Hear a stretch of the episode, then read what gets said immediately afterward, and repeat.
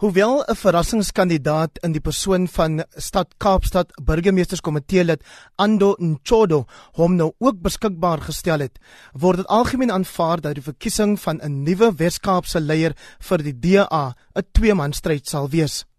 Die een kandidaat is Bonginkosi Madikizela, die provinsiale minister van behuising en tussentydse leier van die DA in die provinsie nadat Patricia de Lille in Januarie uit die pos bedank het. The first thing is to make sure that our loyal supporters feel valued again. The second point, of course, is to build trust in our farming communities, farm workers. The third point, of course, is to make sure that we build our auxiliary structures like the Day, Dawn, and DASO. And the fourth point is, of course, to grow in opposition strongholds. This is my four-point plan. Die ander kandidaat is die provinsiale wetgewer lid advokaat Lenet Max, 'n voormalige provinsiale polisiehoof en ook provinsiale minister wat reeds 3 keer misluk het om sy provinsiale leierskapdroom te verwesenlik. Die struktuur op die oomblik dat die leiers afwesig is, dat hulle geen spreekbuis het vir hulle nie en daarom glo ek dat weens my optrede en weens my persoonlikheid sal ek 'n stem vir hulle wees. Ek wil sien dat die platteland nie afgeskeep word soos wat hulle tans afgeskeep word onder die huidige leierskap nie. Dat die hulpbronne wat aan hulle voorsien word ooreenkomstig is met die uitdagings wat die platteland bied en dat hulle is nie verlore en stiefkinders van die party nie, maar dat hulle gewaardeerde lede is.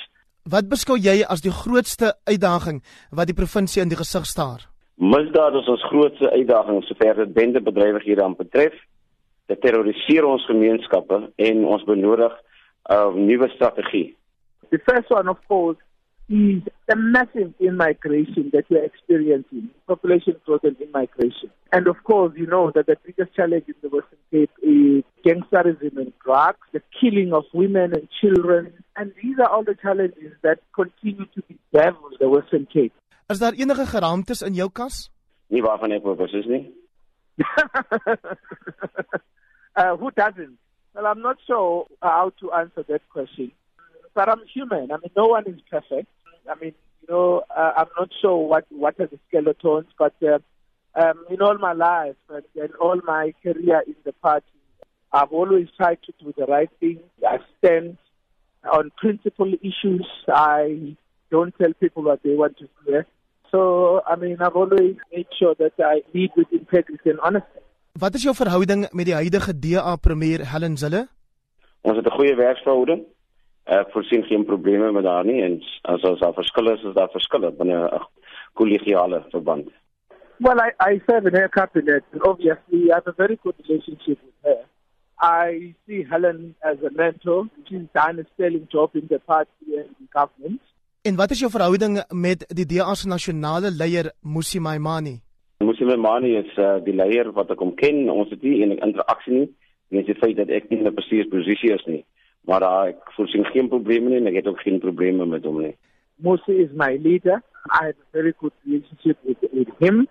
And what I appreciate about both leaders is that they are open to disagreements and criticism, which is not something that you often find in many parties. And because of that, I am able to pick up the phone and talk to him. You know, that's the kind of leader that you need. So I have a very good relationship with my national leader.